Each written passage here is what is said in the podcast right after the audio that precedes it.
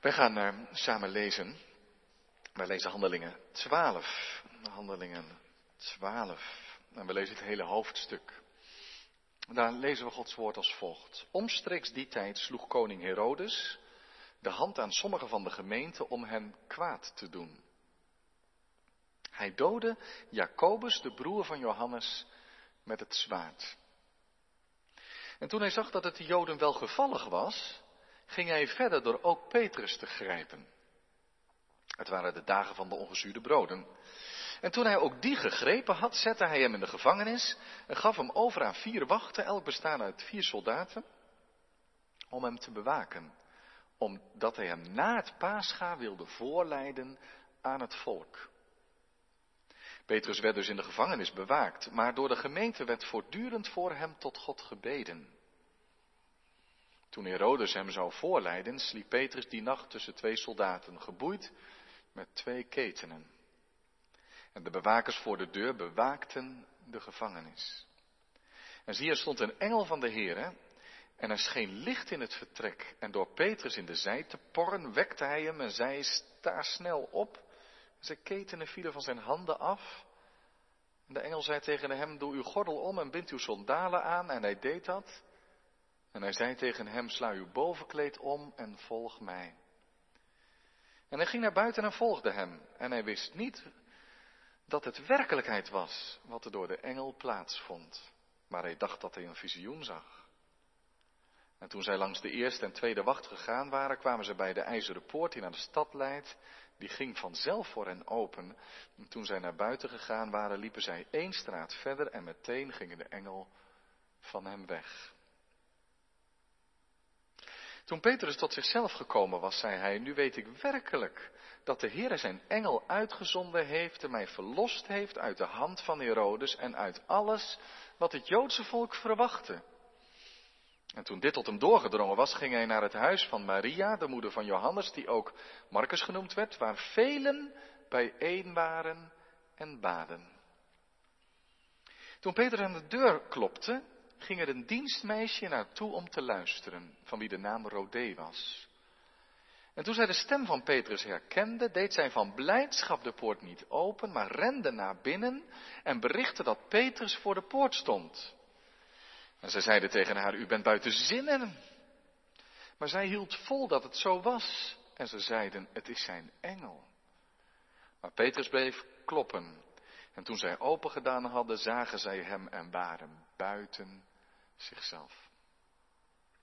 En hij gebaarde hun met de hand dat zij zwijgen moesten en vertelde hun hoe de Heer hem uit de gevangenis geleid had en zei, vertel dit aan Jacobus en de broeders. En hij ging naar buiten en reisde naar een andere plaats. Toen het dag geworden was, was er geen geringe opschudding onder de soldaten over wat er met Petrus gebeurd kon zijn. En nadat Herodes hem gezocht, maar niet gevonden had, ondervroeg hij de bewakers en gaf bevel hen weg te leiden. En hij vertrok van Judea naar Caesarea en bleef daar. En Herodes koesterde bittere vijandschap tegen de Tyriërs en de Sidoniërs. Maar zij kwamen eensgezind naar hem toe.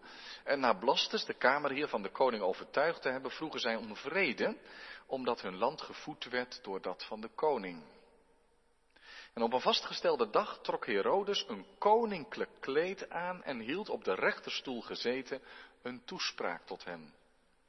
En het volk riep uit, een stem van God en niet die van een mens. En onmiddellijk sloeg een engel van de Heere hem, omdat hij God de eer niet gaf. En hij werd door de wormen gegeten en gaf de geest. En het woord van God verbreidde zich en nam toe. Barnabas nu en Saulus keerden terug uit Jeruzalem naar daar hun dienstwerk vervuld te hebben. En zij namen ook Johannes mee, die ook Marcus genoemd werd. Tot zover lezen we Gods woord voor deze dienst. Zalig zijn zij die het woord van de Heere God horen en geloven en daaruit leven. Amen.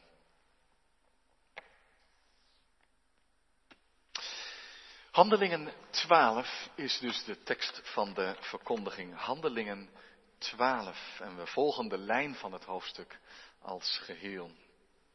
Gemeente van onze Heer Jezus Christus.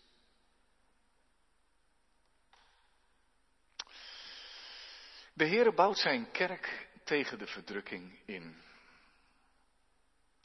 Wat voor ons als forse tegenslagen kunnen gelden, daarvan is de Heere niet het minst onder de indruk. De apostel die dat heel diep geleerd had, was de apostel Paulus, die zelfs als hij gevangen genomen wordt, als de, de grote zendeling, niet één moment zegt, oh dit is slecht voor de, uit, voor de verbreiding van het evangelie. Hij zegt zelfs, ik ben wel geboeid, maar het woord van God is niet geboeid, is niet gebonden. Soms zit het tegen. Het zit vaak tegen. Er is uh, vervolging. Er kan verdrukking zijn. Allerlei soorten en maten. Maar vaak groeit de kerk daar dwars tegenin. En wordt zelfs in momenten van moeite, tegenslagen en verdriet het geloof van gelovigen sterker. Dat kan ook zo gelden in deze tijden, waar de kerk allerlei beperkingen ondervindt van het coronavirus.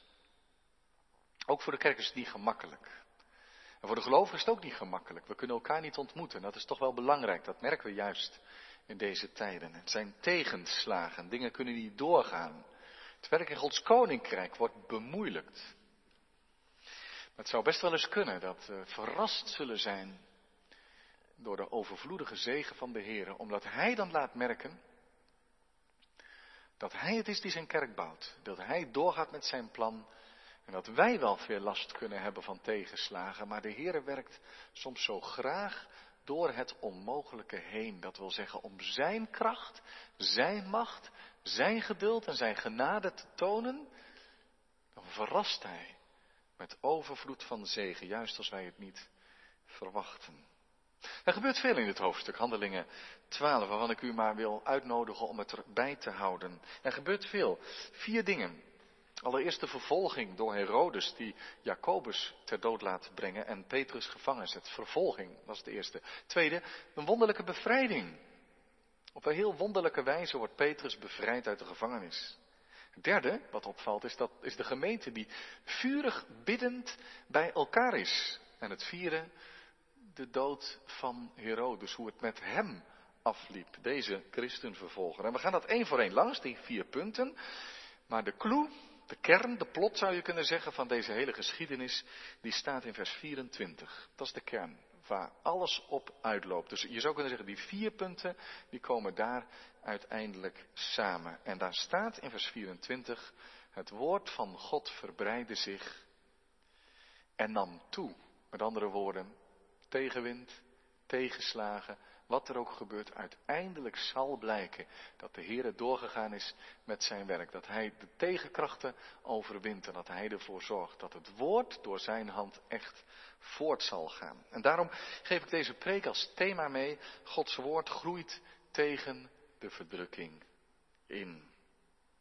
Allereerst die vervolging. Het was ongeveer in die tijd dat koning Herodes, de hand aan sommige van de gemeenten sloeg om hem kwaad te doen. Hij bedenkt het opeens om de gemeente te gaan vervolgen. Deze Herodes, we komen er nogal wat tegen in het Nieuwe Testament, is Herodes Agrippa de eerste. Je komt nog een Agrippa tegen in Handelingen 26, dat is de tweede.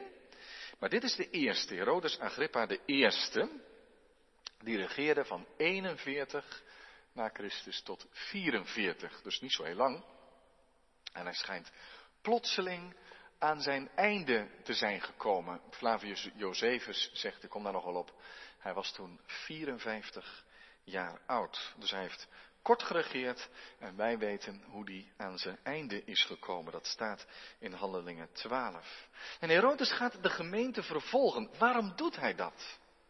Ik denk dat je twee dingen daarover kan zeggen. Het eerste is heel eenvoudig, simpelweg omdat hij dat kan omdat hij de macht heeft. En omdat deze man alleen maar bezig is met de macht. Hij wordt er bezig, beter van. En de tweede reden is omdat de sfeer in Jeruzalem blijkbaar omgeslagen is. Waar in het begin van handelingen nog de gemeente ja, positief voor stond, eh, in achting bij het hele volk, zijn de rollen hier wel omgedraaid. Het is anders geworden. Het volk heeft eigenlijk maar een hekel aan die christenen. Die kijken er negatief naar. En Herodes denkt simpelweg, als ik de gemeente vervolg, dan krijg ik de Joden beter aan mijn kant. En dat had Herodes ook nodig, want Herodes was de koning van de Joden.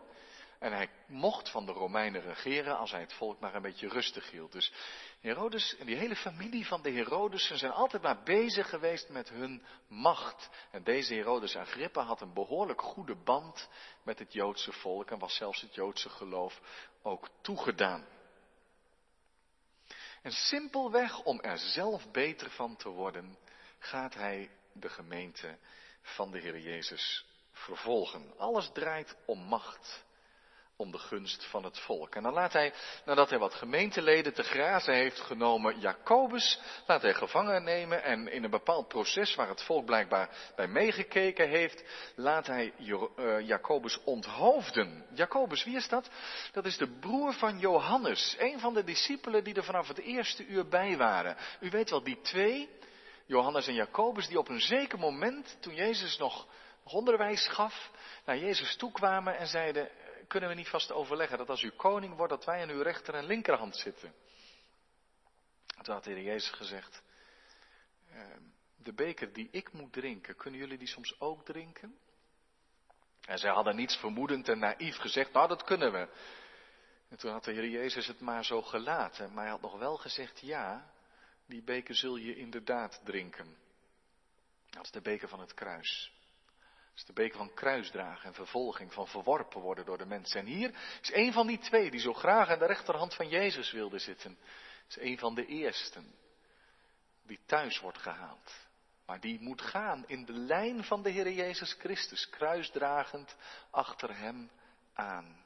Nu moet je Jacobus deze weg gaan. Ondertussen, hoe werkt dat met christenvervolging? Als je daar boeken over leest, bijzondere verhalen, dan, dan zou het kunnen dat je er een beetje een ideaalbeeld van krijgt. Ideaal is gek gezegd, want het is natuurlijk verschrikkelijk. Maar dat je echt leest over hoe iemand een hekel aan de Heer Jezus heeft en zich verdiept in het christelijk geloof en zich er tegen verzet. Maar negen van de tien keer is dat helemaal niet aan de orde. En ontstaat vervolging niet bij interesse en weerstand tegen het geloof, maar simpelweg omdat het goed uitkomt om minderheden te verdrukken. Gewoon om je eigen macht en om je eigen positie. Zo doet Herodes dat ook. En Jacobus is niet de belangrijkste discipel. Dan had hij Petrus moeten hebben, de leider in Jeruzalem. Dat doet hij nog even niet. Blijkbaar is Jacobus een testcase voor Herodes. En denkt gewoon, nou, ik doe een beetje, een beetje zo'n mindere discipel, die net iets minder bekend is. En als het volk daar afwijzend op reageert, of er komt onrust van, nou ja, dan, dan, dan zijn er niet zoveel brokken gemaakt. Ze vergeten dat snel. Dus dan brand ik mijn vingers er niet aan. Maar als het volk het nou prachtig vindt, dan is Petrus straks de hoofdprijs. Je zult zomaar aan je einde komen, zoals Jacobus. Gewoon om de macht van Herodes. Gewoon omdat hij wil kijken wat hij kan doen om zijn macht en zijn gunst bij het volk wat te vergroten. Een testcase.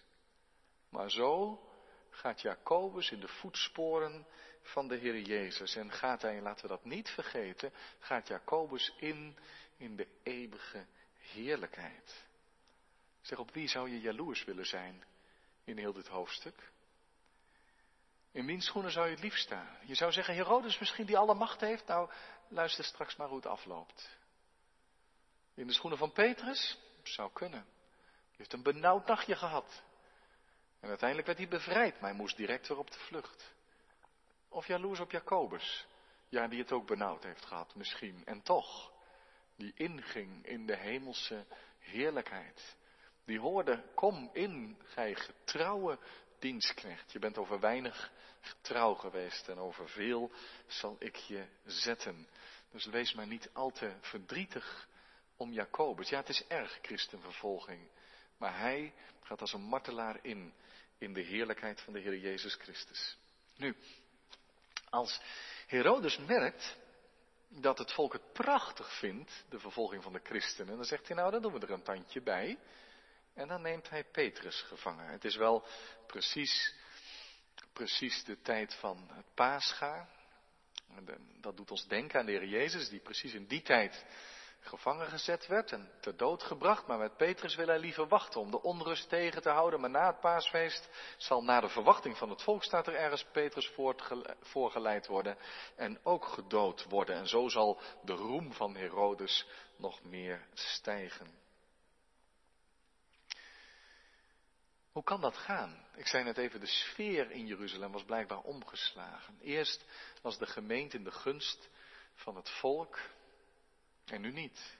Nu kan Herodes punten halen bij het volk door de kopstukken, de leiders vast te zetten kan dat zo, zo gaan? Het kan heel snel zo gaan. Als je handelingen leest, dan zie je dat het op en neer gaat. Al heel snel, dan, dan hebben ze achting bij het volk. En dan, dan is daar die vervolging, weliswaar door de leiders, maar dat zal wat gedaan hebben. Maar vervolgens hebben ze weer achting bij het volk. En hier verachting. De sfeer kan omslaan. En ik heb daarover na zitten denken.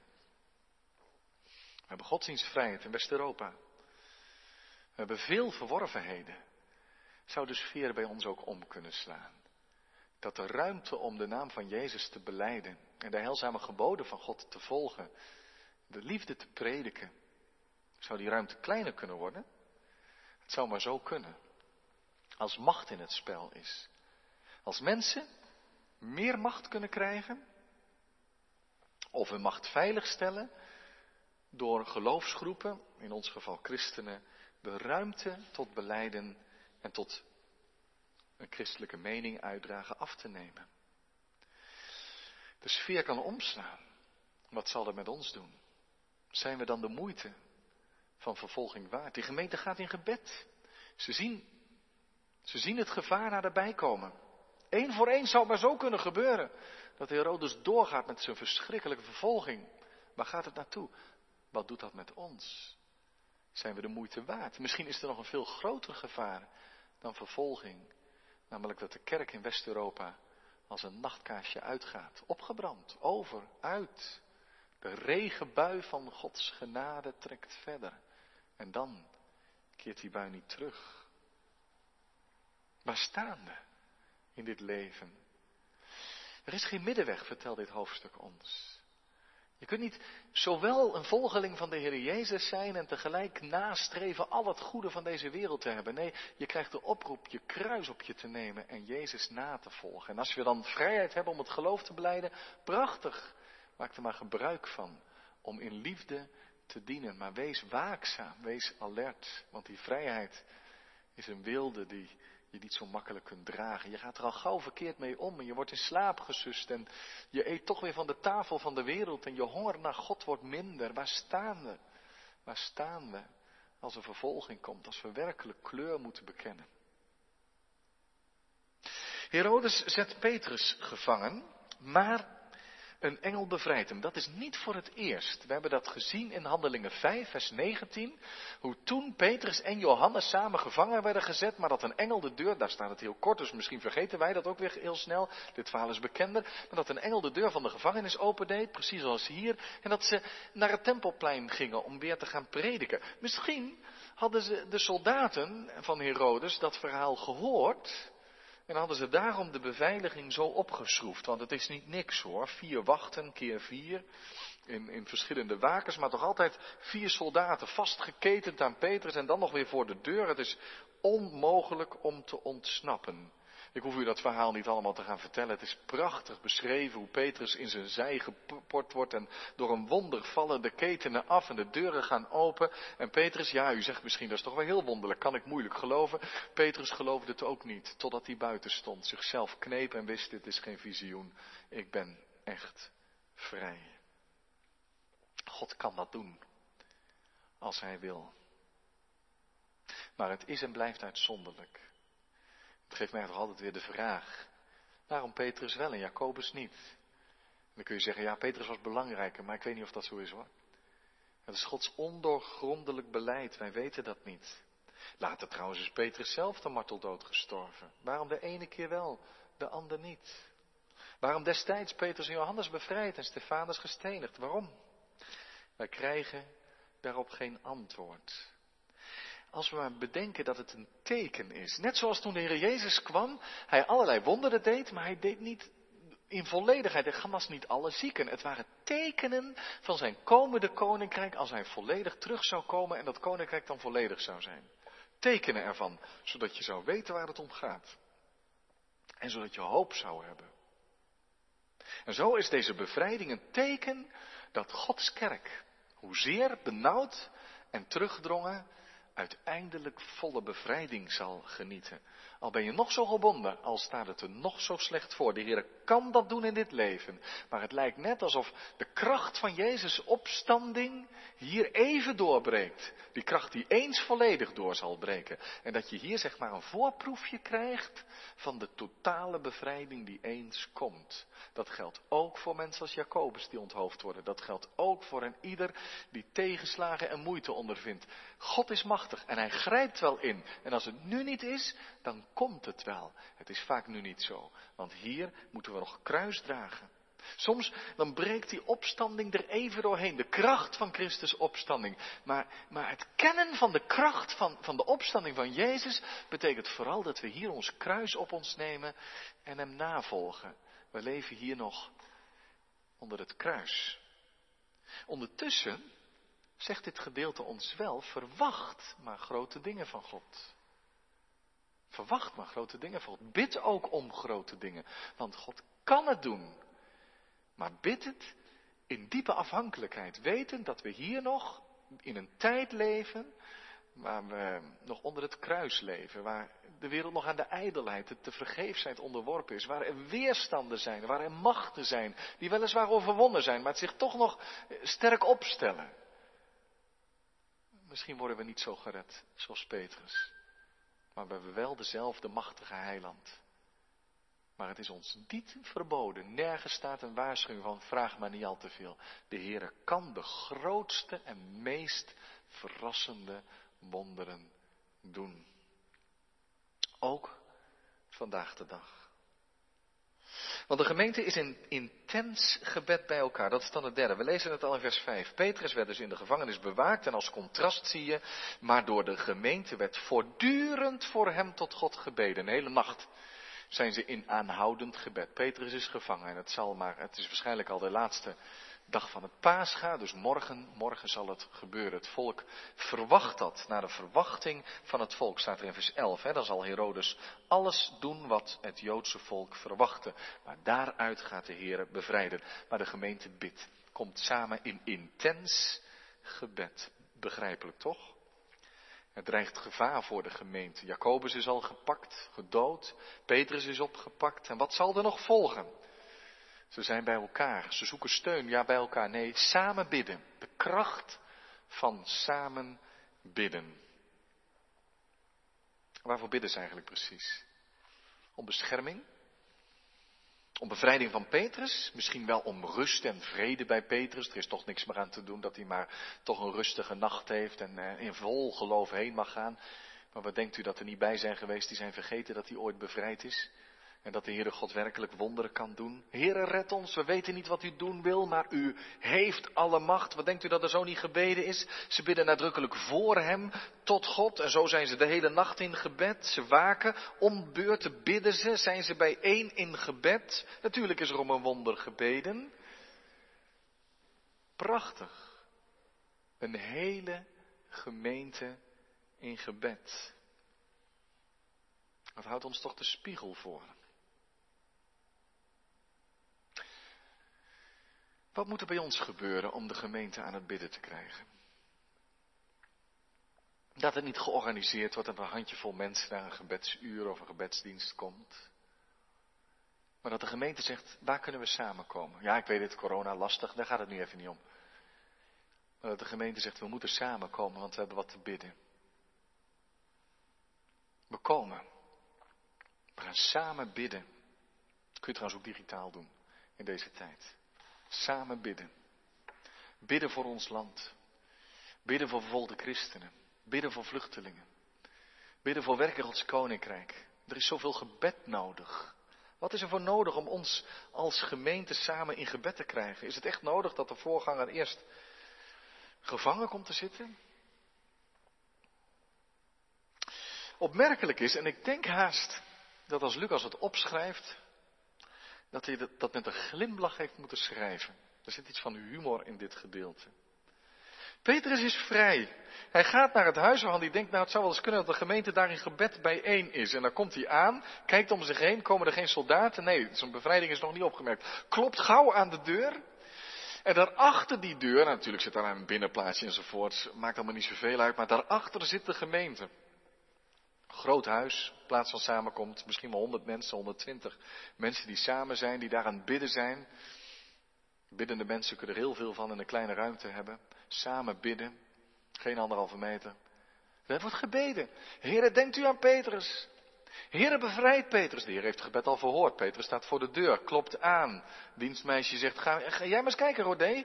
Maar, maar doe de deur niet open, want je weet nooit, als de soldaten, hè, de vervolging, het kan allemaal heel spannend zijn. En Rodé doet dat luikje open, ziet Petrus staan en zegt, wel heb ik nu? Ze is zo blij. Dat kind gelooft tenminste. Ze is zo blij. Maar, maar, van blijdschap raakt ze van de melk, vergeet de deur open te doen, gooit dat luikje weer dicht, rent naar de menigte, waar ze nog steeds aan het bidden zijn. Heere, bevrijd Petrus toch, geef hem vrede in zijn hart. U bent toch een God van wonderen, u kunt wonderen doen. Komt Rodé binnen en zegt, Petrus staat voor de deur. En, ze verstoort dat gebed en ze kijken eraan en zeggen, ben je nou helemaal gek geworden? Hoezo Petrus staat voor de deur? Je ziet ze zeker vliegen. Een hele biddende gemeente. En dan houdt ze vol en zegt ze, ik ben toch niet gek, ik heb hem met eigen ogen gezien. Dan zeggen ze, nou dat kan niet. Dan, oh ja, dan, dan, dan heeft Herodes hem al gedood. Dan is zijn geest, zijn engel, is hier, die een soort visioen om te vertellen dat, dat het gebed kan stoppen. Hoe is het mogelijk? Wat, wat gebeurt hier nu? Dit is echt een gelovige gemeente die een ernstig gebed tot God bidt. En God verhoort het.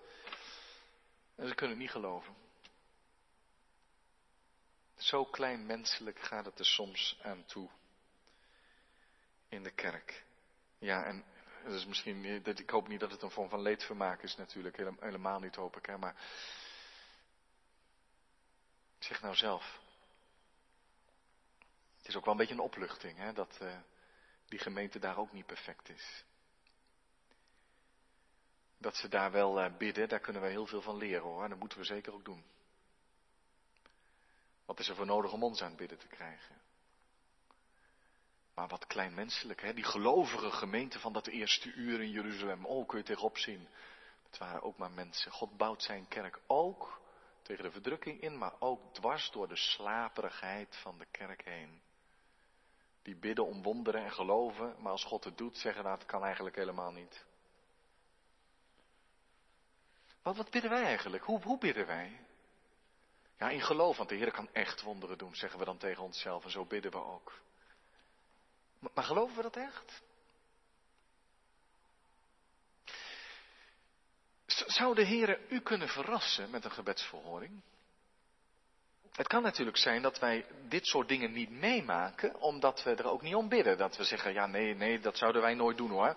Als Rodé dat komt vertellen, dan zouden wij dat wel geloven. Ja, dat zal wel, maar misschien heb je er nooit om gebeden. Dat kan toch? Dat je zegt, ja, ik bid altijd maar een beetje zo vaag, heren, wilt u zorgen? Ja, ja, dan kun je altijd zeggen, ja, de Heer heeft wel gezorgd. En wilt u uw koninkrijk uitbreiden? Ja, nou, dat zal ook wel gebeuren. Je kunt er wel eens in krantjes lezen, zendingsbodes enzovoorts. Maar als je bidt, wilt u mijn buurman bekeren, wordt het opeens anders moet je opeens gaan kijken over de, of de Heer al bezig is en of jij er misschien ook nog iets aan doen moet. Dat, hoe concreet bidden wij? Om redding, bevrijding uit gevangenis van iemand die om Jezus wil vastgezet is. Om bevrijding, om zegen, om hulp concreet bij mensen. Kijk, dan doet het gebed ook wat aan onze kant. Doe je er alles aan om een medearbeider van God te zijn? Dat is natuurlijk zo, maar je mag God vragen om machtige wonderen.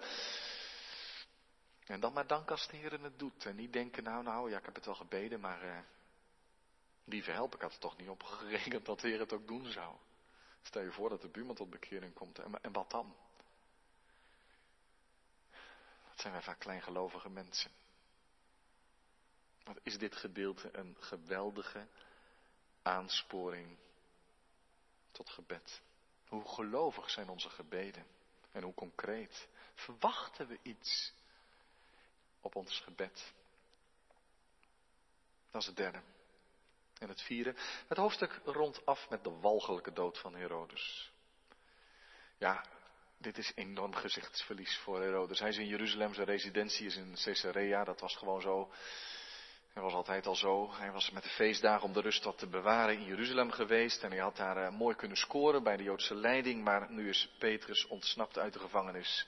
Grote consternatie bij die wachters. Hoe heeft dit kunnen. Had jij hem die sleutel?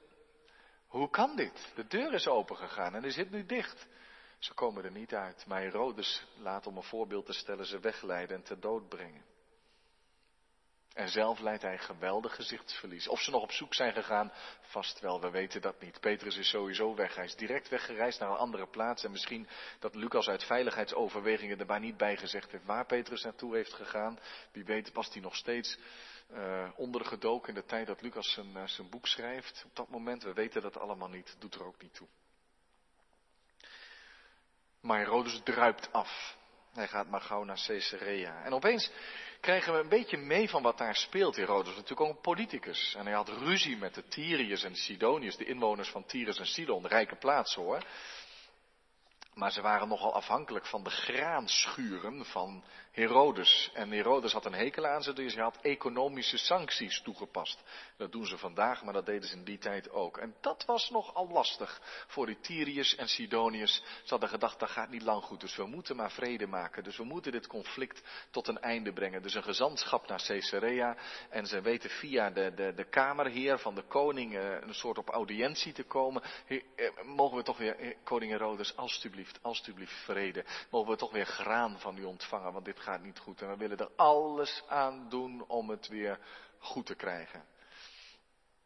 En in de tijd van dat conflict, dan denkt Herodes en denkt weer alleen aan zijn eigen glorie en macht. Ik ga een toespraak houden en hij trekt koninklijke kleding aan, zilverkleurig misschien, zodat als de zon erop schijnt, dat hij blinkend is als een god. hij had een, een, een toespraak en, en die Tyriërs en Sidoniërs die erbij zijn, die moeten hem wel pleasen, maar heel het volk gaat erin mee. Oh, dit is de stem van God en niet van de mens. En ze brengen Herodes goddelijke eer. Nu, nu staat hier niet dat, dat Herodes dat aanmoedigt, maar er staat ook absoluut niets wat doet vermoeden dat uh, Herodes er tegen ingegaan is.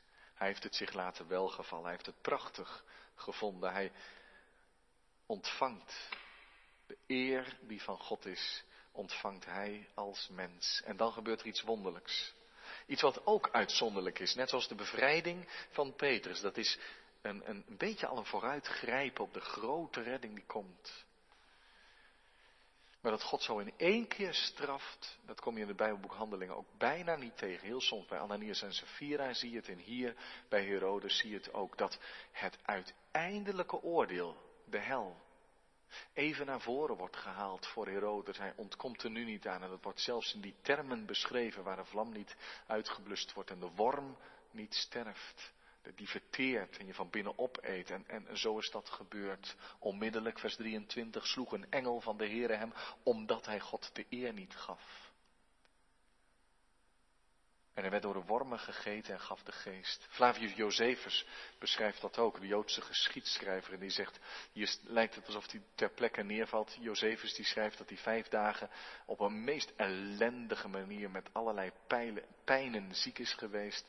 Waarna hij op 54-jarige leeftijd stierf. En aan zijn korte regering van 41 tot 44 een einde kwam. Omdat hij God de eer niet gaf. Ja, dat kun je doen op allerlei manieren. Hè? Zoals zo verschrikkelijk als Herodes en zo gestraft worden. Maar het kan ook in het klein. Is dat niet de kern van onze zondeval? Van ons menselijke ellende, dat we God de eer niet geven. En Herodes doet dat wel in zeer bijzondere mate. En even geeft de Heer hier ook een teken. Dat teken van Petrus, teken van de opstanding, bevrijdende kracht. Hoop er maar op, want dit zal zeker gebeuren. Zie je ook iets van het oordeel vast naar voren gehaald. Dit gaat zeker gebeuren. God zal zijn oordeel geven. Maar dan zal het te laat zijn voor mensen als Herodes die God de eer niet geven.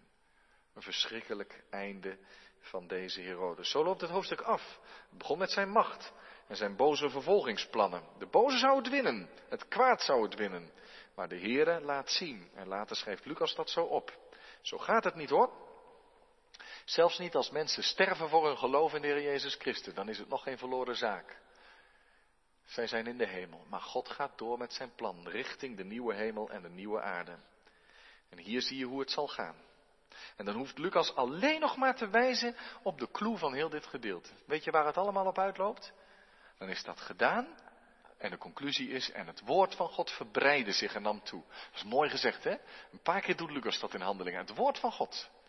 Alsof het zelf levend en krachtig is, alsof het zich breed maakt. Het heeft meer impact. Het woord van God verbreidt zich. Het neemt toe. Je ziet die olievlek van het woord van God, de invloed van het woord van God zie je uitbreiden. Tegen de verdrukking in. Hij wou het klein halen, maar het wordt steeds meer. Onze God gaat door met zijn werk. Op plaatsen van verdrukking. Op plaatsen van vervolging. Op plaatsen van coronamaatregelen. Plaatsen van lijden. Plaatsen van verdriet. Plaatsen van honger en armoede. En soms wordt de kerk klein. En lijkt het bang. Maar de Heer gaat door met zijn werk. Dus kijken wat hier gebeurt. En de grote vraag aan ons is, en de grote uitnodiging, waar staan wij? Aan welke kant staan wij? Er is geen middenweg. Het is de weg van Jacobus en Petrus. En dan kun je bevrijd worden of sterven. En het kan goed gaan in je leven of niet. Je kunt aan het bidden zijn of gevangen zitten. Dat maakt niet uit. Maar het is de weg van Jezus. Dat is een weg van het kruis. Een weg waarin wij ons leven niet kunnen uitstippelen maar er met ons gehandeld wordt, zoals eens met het lam van God gebeurd is. En wij volgen het lam waar het ook heen gaat. Maar die smalle weg, die kruisweg, die loopt uit op die nieuwe hemel en een nieuwe aarde, waar God alles zal zijn in alle en wij Jezus zullen zien. Aan welke kant sta je? Aan de kant van Herodes? Goed om je heen kijken waar je voordeel kan behalen. Het is goed om je heen kijken waar je sterk kan reizen. En bij Herodes is het natuurlijk een beetje absurd, hè, dat hij de eer zo, zo, doet alsof hij God is. Maar in wezen herkennen we dat allemaal toch wel een beetje. Dat is wat de zonde doet. Wij willen belangrijk worden. Wij willen groot zijn. Wij gaan naast onze schoenen lopen. En we zoeken naar mogelijkheden om het leven naar onze hand te zetten. Dat is niet de lijn van Jezus. Dat is de lijn van Herodes. En kijk maar eens waar die lijn op uitloopt. Wat kan ik anders zeggen dan? Laat het niet in het midden. Maar kies voor het kruis van de Heer Jezus Christus. Moeilijk en heerlijk. Geweldig om een volgeling van Christus te zijn.